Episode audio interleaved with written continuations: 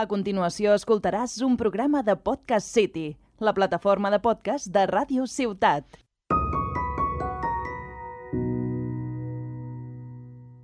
Ты работаешь журналистом в России, и ты э, как бы понимаешь, что это рискованная профессия.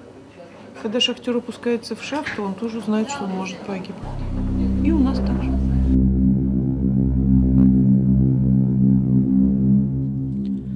Si treballes com a periodista a Rússia, entens que és una professió de risc. Quan un miner baixa a la mina, sap que pot morir. I això és el mateix per nosaltres. Aquestes són paraules de la periodista russa Anna Polikovskaya, poc abans de ser assassinada. Aquest mes d'octubre farà 14 anys. L'assetjament que va patir Polikovskaya fins al seu assassinat era un assetjament clàssic del segle XX. Cartes amenaçant, boicots eh, als mitjans progovernamentals i desprestigi públic. Tot per convertir-la en una pària social. Tot per a preparar el seu assassinat. El missatge que es donava era clar. Calla. No sabem com seria avui en dia el periodisme de, de Polikovskaya si estigués viva, però de ben segur que utilitzaria les xarxes socials. Les xarxes socials ens han permès trencar els canals clàssics de comunicació controlats pel poder i arribar a fons i a un volum d'informació impensable fa només uns anys. Passat l'enamorament inicial i la novetat amb les xarxes, a dia d'avui s'hi lliura un combat a mort. La sabidoria del mem d'internet atribueix al Twitter un dels set pecats capitals, la ira. Allí hi aboquem tot i buidem el pap. La majoria simplement hi deixem anar el primer que ens passa pel cap. Però hi ha una altra part que utilitzen les xarxes per imposar agendes i fer callar dissidents. Avui, en la recerca del talent tarragoní, parlarem de l'assetjament a les xarxes socials eh, que reben els periodistes. En parlarem amb Javier Luque. Javier Luque és un periodista tarragoní afincat a Viena. Treballa com a cap de comunicació digital a l'Institut Internacional de la Premsa, on desenvolupa i coordina el projecte On the Line, amb el que analitza les campanyes de desinformació i assetjament a les xarxes socials contra periodistes d'arreu del món. És el director del documental A Dark Place i ha treballat com a consultor extern a la OCDE. El seu treball ha estat mencionat en diversos mitjans internacionals i estatals, com The Guardian, Bloomberg o La Vanguardia. Abans ha estat corresponsal als Estats Units on ha cobert la NBA i ha treballat com a periodista de, suc de successos a la cadena SER de Tarragona. I el més important de tot, va començar en el món del periodisme com a productor al programa Boira de, Ta de Tarragona Ràdio. I és allí on ens vam conèixer. Нас никто не поддерживает. Нас могут поддержать на словах, но не на деле. Никакого журналистского никакой журналистской солидарности в России не существует. И если он в мою мечту поверить сможет, Benvingut a Javi Luque a, a un nou programa de l'Agro Tarragona a Radio Ciutat de Tarragona. Com estàs? Hola, ¿qué tal, Gerard? Bien, bien, bien. ¿Qué tal? ¿Cómo estás tú? Bé, molt bé. Què tal? Quin temps tenim aquí a Viena? Pues eh, empieza ya a refrescar. De hecho, ya hemos tenido que encender la calefacción, así que imagino que la apagaremos ya de cara a abril. Molt bé, això, eh, bueno, tu ets de Tarragona, ja ho saps, i la gent que vivim a Tarragona, eh, jo sempre, em penso que t'he dit alguna vegada, quan he parlat amb tu, em vejo molt eh, que a llocs com a Viena pugueu tenir les quatre estacions, perquè aquí només tenim calor o fred i humitat. Vull dir que suposo que esteu gaudint d'una tardor ben maca. Bueno, sí, pero hay, las dos estaciones intermedias se, se hacen cortas, la verdad. Eh, no, no, podemos disfrutar mucho de, la primavera ni, ni, ni tampoco eh, del otoño. Pero bueno, se hace, se hace lo que se puede. Siempre hay personas y en, en situaciones peores, la verdad. Pero bueno. Molt bé. Uh, bueno, Javi, tu treballes a l'IPI, que és l'International Press Institute. Uh, Explica'ns una mica què fa aquest institut i quina és la teva tasca a l'institut? Eh, el instituto nació en, en 1950 eh, en, en, Estados Unidos, en Nueva York, y fue una iniciativa de, de, el que era por aquel entonces el director del eh, New York Times, que lo que quería era eh, reunir eh, a una gente, bueno, a una serie de directores de los principales medios de comunicación de todo el mundo para, eh, tras la Segunda Guerra Mundial, digamos, intentar crear diálogos entre periodistas que habían estado informando desde trincheras opuestas. ¿no? Entonces nació con ese, con ese espíritu y, de ahí hemos ido desarrollando nuestra labor en, varias, en, varios ámbitos y sobre todo trabajamos por todo el mundo. Básicamente, en resúmenes, ahora mismo pues, es una red de periodistas y de directores de los principales medios de comunicación de todo el mundo que pagan o que ponen dinero para eh, financiar un grupo de periodistas ubicados en Viena que eh, realizamos informes y tratamos temes de violació contra la llibertat de premsa per tot el món. Molt bé, molt bé. Uh, al programa d'avui parlarem sobre l'assetjament que sofreixen els periodistes a les xarxes socials. I, bueno, tu has fet, tu has fet una, una mica d'investigació sobre, sobre aquest tema i, bueno, la primera pregunta que m'agradaria fer és Eh, com es dissenyen aquestes campanyes o com comencen? Mm -hmm.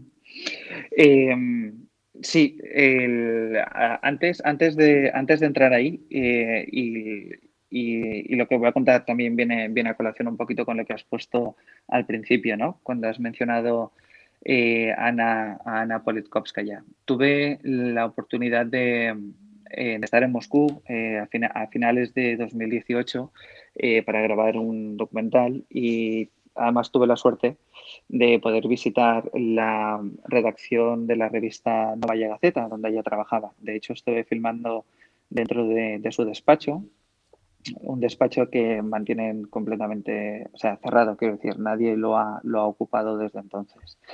Y, tuve la oportunidad de, hablar con, con, varios periodistas que estaban trabajando allí y aparte concretamente con la directora eh, de Novaya Gaceta, que eh, parece como que estos tipos de ataques que, que, recibía o de amenazas que recibió Ana Politkovskaya ahora hace 14 años parece como que forman parte del pasado, pero mm, nada más lejos de la realidad, porque me contaba la, la propia directora de Novaya Gaceta, la actual, que eh, ella había recibido amenazas en redes sociales y que eh, parte de esas amenazas se habían trasladado a la realidad. Y, y de tal manera que cuando un día llegó a después de trabajar a, coger el coche para volver a casa, se encontró con el dibujo del punto de mira de un rifle en el cristal. Eh, este es solamente uno de, de, los ejemplos. El otro, por ejemplo, es eh, como el líder de la República de Chechenia, Ramzan Kadyrov, en abril de, de, este mismo año, el 15 de abril de este mismo año, eh, lanzó una serie de amenazas y de advertencias contra la periodista de investigación Elena Milashina. Eh, y además pedía al gobierno de Rusia y a la FSB, la antigua KGB, que acallara su voz y que para las investigaciones que estaban haciendo sobre el propio gobierno. Es decir, estos son dos ejemplos únicamente de cómo se diseñan y cómo se desarrollan las campañas en redes sociales. Y si quieres podemos eh, profundizar un poc més en elles. Sí, perquè suposo que, evidentment, no, no deu ser el mateix tipus de, de campanya, una campanya que es pot eh, que es pot realitzar en un país de, de la Unió Europea, no? amb uns estàndards democràtics, que, que altres tipus de països potser amb estàndards eh, menys democràtics, no? fins i tot de, de, de falsa, d'una democràcia simulada. Eh, evidentment, el cas de Rússia és molt palpable, és, és, és, és molt evident. Jo crec que podria ser potser l'exemple més radical del que trobaríem a Europa, però dins de la Unió Europea eh, suposo que aquests, aquests tipus d'atacs deuen ser més sutils, oi? Bueno, si te soy sincero, eh, y ahí tienes, tienes razón, es decir, eh, si te soy sincero, los patrones son exactamente los mismos. Eh, tanto en Rusia como, como, en España, como en Finlandia, como en Reino Unido, como en Alemania. Eh, Lo que pasa es que el contexto que rodean a los periodistas en cada uno de los países, eh, digamos que mm, ofrece digamos, eh, una sensación de vulnerabilidad. Los, periodistas tienen más sensación de, vulner de vulnerabilidad en, países donde saben que, digamos, quizá la gente que está detrás de esos, de, de, esos ataques y de esas campañas que instigan el odio contra los periodistas son las propias autoridades que por otro lado deberían estar protegiéndolos, ¿no? Recuerdo un caso en, en, en Turquía en 2016 cuando eh, una de las periodistas, un año después de los atentados de Charlie Hebdo, decidió eh, publicar algunas, algunas de las viñetas. Eh, recibió amenazas de muerte, manifestaciones en, en frente del periódico, su nombre es Jada Karan. Y me explicaba Jada cómo, eh, claro, al final había tenido que optar por aceptar la eh, escolta que le ofrecía la policía. Eh, pero dice, claro, eso estaba bien porque la sensación de seguridad incrementaba, pero a la vez no tenía la libertad para ejercer mi trabajo, o al menos no lo sentía así, porque aparte de escolta, también era una especie de espía o, sensor, o censor sobre lo que estaba escribiendo. ¿no? Entonces, eh, cuando, cuando hablamos de estrictamente de patrones de ataques en redes sociales son bastante similares. Es decir, habitualmente empiezan con, eh, eh, con, un, con un tweet eh, de un líder político. Digamos que nos, nos, lo tenemos que imaginar como si fueran círculos concéntricos, donde en el centro está eh, la cuenta que, eh, que, que, que, es más influencer, digamos, ¿no? que tiene más seguidores. Suelen ser eh, o líderes políticos o suelen ser eh, también pues, gente afiliada a, a, a, los partidos que no tienen por qué tener un cargo público.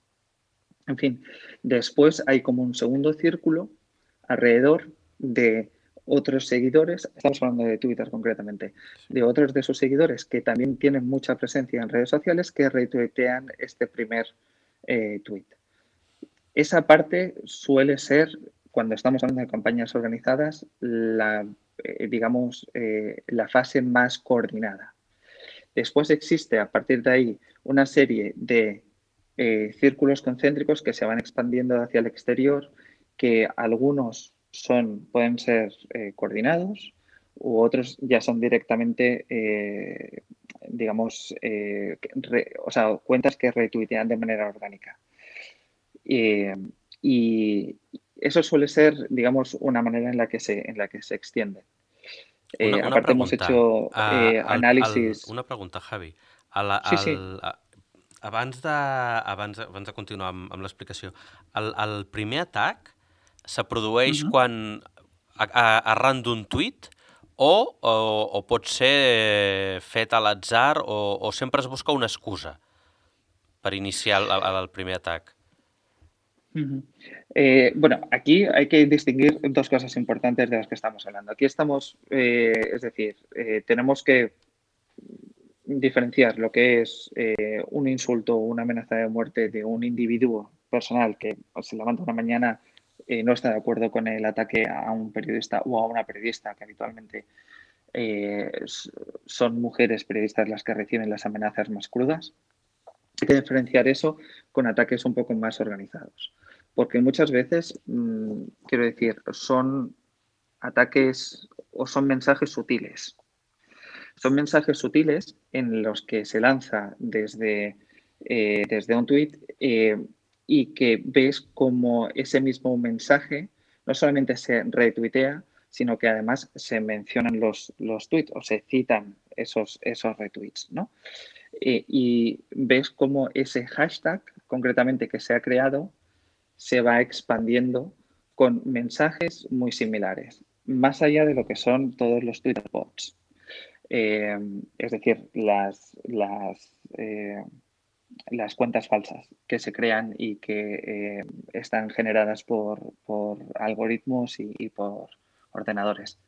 Entonces, eh, el, el, mensaje, digamos, se coordina desde una cuenta o una serie de, de cuentas centrales afines a un partido uh -huh. y se propaga a través, en un primer momento, a través de cuentas afines al partido que también tiene unas tendencias eh, en redes sociales importantes, pero después se disemina de forma monstruosa y de forma muy amplia ya de manera orgánica, porque ya se ha creado previamente esa atmósfera. En 2013 tuvimos acceso a, a una, eh, a una presentación muy interesante del partido en el gobierno de Erdogan, en la que se explicaba a los jóvenes cómo eh, se iban a diseñar las campañas en Twitter para que ese mensaje llegara a ser trending topic. Entonces explicaban cómo, tenemos incluso el organigrama y todo, ¿eh? cómo venía el mensaje desde el gabinete de comunicación del partido, el AKP, en este sentido, el Partido de los Trabajadores eh, de Turquía, después cómo pasaban a los líderes de las juventudes de cada uno de, los partidos en, las regiones y cómo a través de ahí tenían media hora para retuitear o para copiar ese mensaje con ese hashtag en concreto para que eso se convirtiera en trending topic. Resultado, y ahí tenemos indicios, no podemos decir que evidentemente, eh, digamos, no podemos establecer una causa-efecto, pero uno de los ataques mm, más bestias que se recibieron o que recibieron los, eh, los periodistas fue el caso de Selin Girit de la BBC, que recibió, analizamos una media de cinco amenazas de muerte o de violación por minuto hasta tal punto que tuvo que dejar Turquía y estar un año y medio eh, en Londres por seguridad tanto personal como professional. L'últim tall de veu que he posat abans de donar-te pas a la, de l'Anna Polikovskaya eh, comentava que el, el gran problema és que el periodista que s'enfronta contra l'establishment, contra, contra el poder, Uh, sí, rep moltes palmadetes a l'espatlla, però que realment està sol, que ningú no mou un dit per ell. Um, és el que succeeix en aquests casos, a, a llocs tipus el que m'estaves comentant en aquell moment de Turquia? Està sol el no. periodista que rep aquests atac, atacs a nivell de solidaritat pública? Eh, a nivell de solidaritat, de, solidaritat, de, perdona, de solidaritat pública, quizás sí. Pero, pero cada vez se ve menos. Estamos hablando en aquel momento de 2013. Desde entonces hemos visto cómo las campañas contra los periodistas, pero también a favor de los periodistas, se han ido sofisticando eh, con, con, el tiempo. Eh, hemos analizado cómo en, en Colombia, por ejemplo, eh, a mujeres periodistas que son atacadas, ya hay como grupos que se generan entre, entre ellas en Facebook, por ejemplo, grupos privados, etcétera, en el que se avisan a unas a otras cuando están siendo atacadas y entonces el resto de esas periodistas e incluso de compañeros de redacción salen a eh, en Twitter con mensajes positivos sobre su trabajo. Lo que sí que es cierto es que en general existe una falta de, no tanto de concienciación entre entre la población, pero también eh, entre los propios medios de comunicación, que deberían establecer mecanismos de defensa y de prevención específicos eh, para proteger a esos periodistas. Y creo que sí que es importante también aquí entender un poquito eh, el papel de la pantalla de un móvil porque tuve la oportunidad en, Madrid de entrevistar a Pepa Bueno cuando ella estaba presentando en, a finales de 2018 eh, el, hoy por, el Hoy por Hoy, al igual que también puede entrevistar a Mónica Terribas, que también podemos hablar de su casa después. Pero una de las cosas que más me sorprendió de Pepa Bueno es que eh, dijo, claro, la gente te lanza estas amenazas y se creen que la están lanzando a, o estos insultos, estos abusos, lo están lanzando a una pantalla o a una foto mía en una cuenta de Twitter, ¿no? Eh, lo que no entienden es que detrás de esa cuenta de Twitter hay una persona y que muchas veces, eh, digamos, el impacto emocional que tienen, en este caso Pepa Bueno, digamos, lo equiparaba al impacto emocional con que, se tiene en, un duelo, ¿no? Y explicaba cómo ella gestionaba eso también parecido a, las fases de duelo, ¿no? De la pérdida de una persona, por ejemplo. Pues, eh, y cito textualmente, dijo, mira, primero no das crédito. Luego tienes un momento de mucha indignación en el que tienes la tentación de contestar o sencillamente bloquear.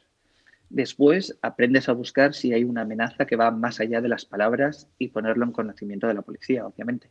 Y, por último aprendes a tomar distancia. Te dices que a ti misma que eso existe y aprendes a vivir con ello. Pero dice, si tienes un día complicado, prefiero no mirar las notificaciones porque esto de sustraerte y coger distancia no es un músculo que tenemos entrenado. Sí, però suposo que igualment per, per molta distància que intentis eh, mantenir, al final acaba provocant que, que, que, que aquestes persones no només modifiquin la vida, perquè suposo, entenc que si tu estàs a, a Twitter i llegeixes un, o algú penja una foto teva dient he vist que portaves a tons fills a l'escola, sé on vius, evidentment la vida modifica, eh, la vida queda modificada, però eh, realment influencia això eh, als periodistes a, a l'hora de prendre posicionaments o, o, o expressar segons o fer segons quines investigacions? Eh, mira, eh, aquí hay dos cosas. Uno es el impacto emocional y estás hablando tú del impacto profesional. Eh, llevo cerca de seis años eh, entrevistando a periodistas eh, sobre este fenómeno. Creo que me he encontrado en una o dos ocasiones en las que me han dicho que temporalmente decidieron dejar de tratar ciertos temas que sabían que iban a, eh, que a recibir este tipo de reacciones por parte de la población. Estamos hablando de temas como feminismo o como religión o como política en, en, en momentos de, máximo auge y de, y de máxima polarización, ya sea en España, te estoy hablando también de, Polonia y de, y Alemania, por ejemplo. ¿no? Eh, ese es el aspecto profesional. Eh, en la gran mayoría de casos, no. Pero en la parte emocional sí que sentían gran parte de las periodistas rabia, rabia diciendo, ¿por qué tenemos que pagar este peaje? Para poder informar. Y ahí yo responsabilizo mucho a eh, los poderes tanto políticos como sociales, en el sentido en el que tienen una responsabilidad de no generar más crispación contra los periodistas y contra las periodistas. Porque esa crispación es lo que es, es, es lo que activa todas, todas estas campañas eh, de abuso contra periodistas, los individuales, las campañas que tienen una estrategia detrás buscan otra cosa completamente distinta. O sea, ya tenemos analizados como varios países y varios gobiernos eh, utilizan las redes sociales para intentar tener el control de la narrativa de un evento tanto social político. Llámese Trump, llámese otros, otros conflictos, incluso más cercanos. Entonces, entenc que, utilitzen uh, dos mètodes. Entenc que aleshores la, les campanyes aquestes uh, d'assetjament als, als periodistes seria una primera fase, no? La, la, la, és allò, ara quan estaves parlant m'ha vingut un, una frase que, mm. que de petit me feia molta gràcia, que era si no els pots convèncer, conf, uh, si no els pots convencer, confúndelos. No? Mm. Clar, la, la, primera fase, la primera fase és atacar la persona, desprestigiar-la a nivell personal, a nivell professional, però, clar, suposo que la, la segona fase és, un cop has fet això, és introduir el teu missatge. Sí, y muchas veces se hacen incluso de manera paralela. Es decir, eh, las fake news en Rusia y todo eso, con relación a la campaña de 2016 o otras campañas políticas, lo que hacían por un lado era eh, alabar la eh, la acción del gobierno de turno, si era el que se quería mantener, o de los, o de, o de los candidatos populistas, ¿no? por así decirlo. Era alabar eso. Pero en paralelo buscaban dos cosas. Uno era intimidar a la periodista para acallar, digamos, eh, eh, una cobertura crítica. Y por otro lado, intentar desacreditarla. Pero todo eso no solamente en redes sociales, sino con la connivencia también de medios de comunicación afines al poder o afines a ciertos partidos políticos. Y esto es muy importante porque son ellos los que dan el sello de calidad último a estas campañas de desprestigio y de intimidación. Uh -huh. uh, Hi ha diferència entre els atacs que rep un periodista home i una periodista dona a les xarxes? Mucha. Eh, y, de hecho, eh, también aquí es, es, es, es, muy interesante el tema del machismo y del sexismo, porque eh, sí que es cierto que las mujeres reciben, sobre todo, mm, bueno, primero en la parte de los insultos, hablan de su, de su apariencia física. Después, por otro lado, son amenazas de violencia sexual. Pero una amenaza muy específica contra las mujeres periodistas que hemos visto que no concurre en el caso de, los hombres es el de amenazas a familiares. Tú has mencionado muy bien antes una cosa que son estas amenazas implícitas, que son de hecho las más comunes, porque son las que con ellas te evitas ciertas, eh, bueno, pues ciertas consecuencias legales o jurídicas, ¿no? Que son estas de eh, ni siquiera decir en el tuit sabemos dónde vives o tal, sino simplemente con mencionarlo en el tuit, poniendo el título de, o sea, el, nombre del colegio de sus hijos y una hora en concreto, aunque sea totalmente random y aleatoria. Eso ya de por sí tiene un efecto intimidatorio eh, muy, muy importante. Pero lo que sí que hemos observado en la parte del, sexismo y del machismo en redes sociales es que cuando son campañas organizadas, digamos que se hacen servir de material, memes, etcétera, sexistas y machistas, porque saben que orgánicamente ese material tendrá mayor difusión. Es decir, el ataque en un primer momento, cuando son mm, campañas organizadas, insisto, no es tanto eh, por la apariencia, o sea, no, no, es tanto por el machismo o el sexismo en sí mismo, sino que lo utilizan como un instrumento. I com es combat això? Quins, quins, eh, suposo que, clar, porteu molts anys investigant, Eh, hi ha, hi ha protocols, hi ha alguna forma de, de combatre-ho? Amb, amb quina línia esteu treballant des del uh -huh. vostre institut? Bueno, aquí hay eh, dos partes, una, más de, concienciación eh, poblacional eh, y otra mm, más de, estrategias específicas. En cuanto a la población, hay una cosa importante aquí que, hay que hacer entender a, nuestros oyentes y a, lo que, a, los que nos escuchan. Que tenemos que, digamos, leer entre líneas lo que muchas veces escuchamos eh, en, redes sociales o en la televisión o en los medios de los políticos. Especialmente, yo hablo únicamente, especialmente de cuando los políticos eh, acusan a, a, periodistas de ser sesgados, etcétera, etcétera, etcétera. Porque lo que se ha instaurado en estos ataques es que eh, los ataques son a la persona, es decir, personifican el ataque en el periodista, no en los hechos que ha investigado. Y en España tenemos un ejemplo eh, bastante común porque eh, todos los dividimos entre periodistas de izquierdas o de derechas en función del medio en el que, trabajas. ¿no? Entonces parece que si trabajas en un medio eh, de izquierdas, por así decirlo, y sacas una información de corrupción del Partido Popular, mmm, parece que ya de por sí la información parte de que lo ha escrito uno de izquierdas, ya con cierto desprestigio, pero es que eso va en favor de, eh, de, populistas y va en favor de crear una, digamos, una, un descrédito general de la profesión de los periodistas, que de hecho es de las profesiones con mayor descrédito en, España, por, por, desgracia. Pero hablabas también de la parte un poquito más estratégica ¿no? y del trabajo que hemos hecho en, en varias eh, redacciones. Eh, en, total visitamos 45 redacciones y medios de comunicación en toda Europa porque lo buscamos era, cuál cuáles eran las mejores estrategias eh, que empleaban para proteger a sus periodistas.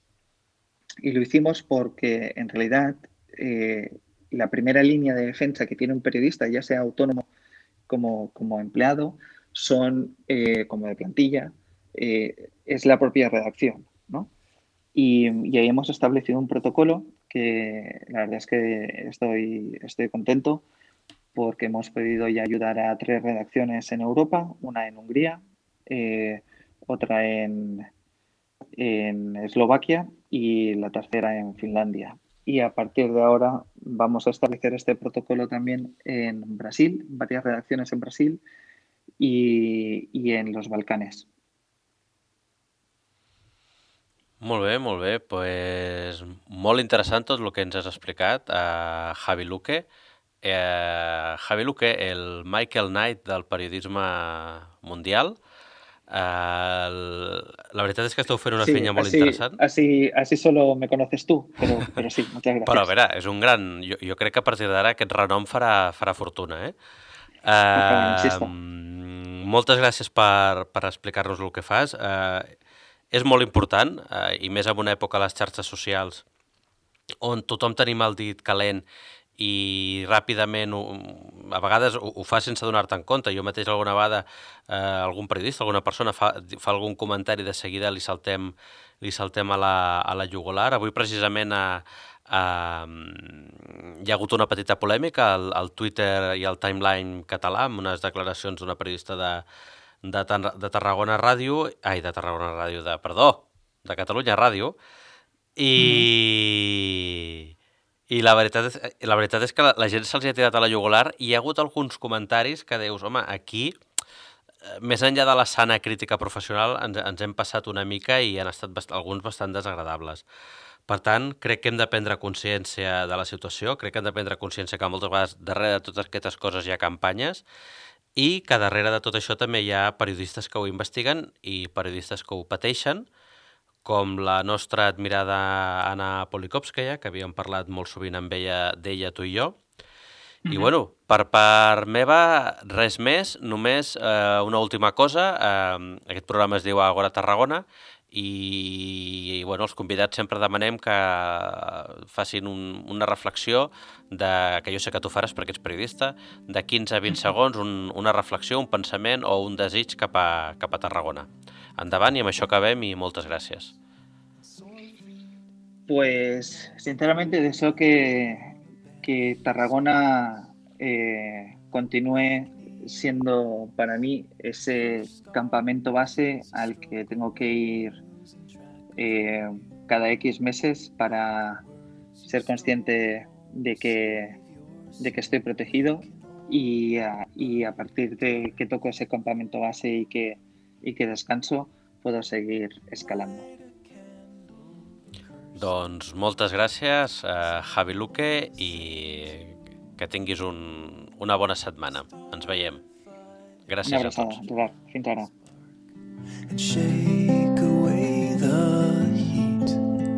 Tell the truth or live a lie. Just don't close your eyes.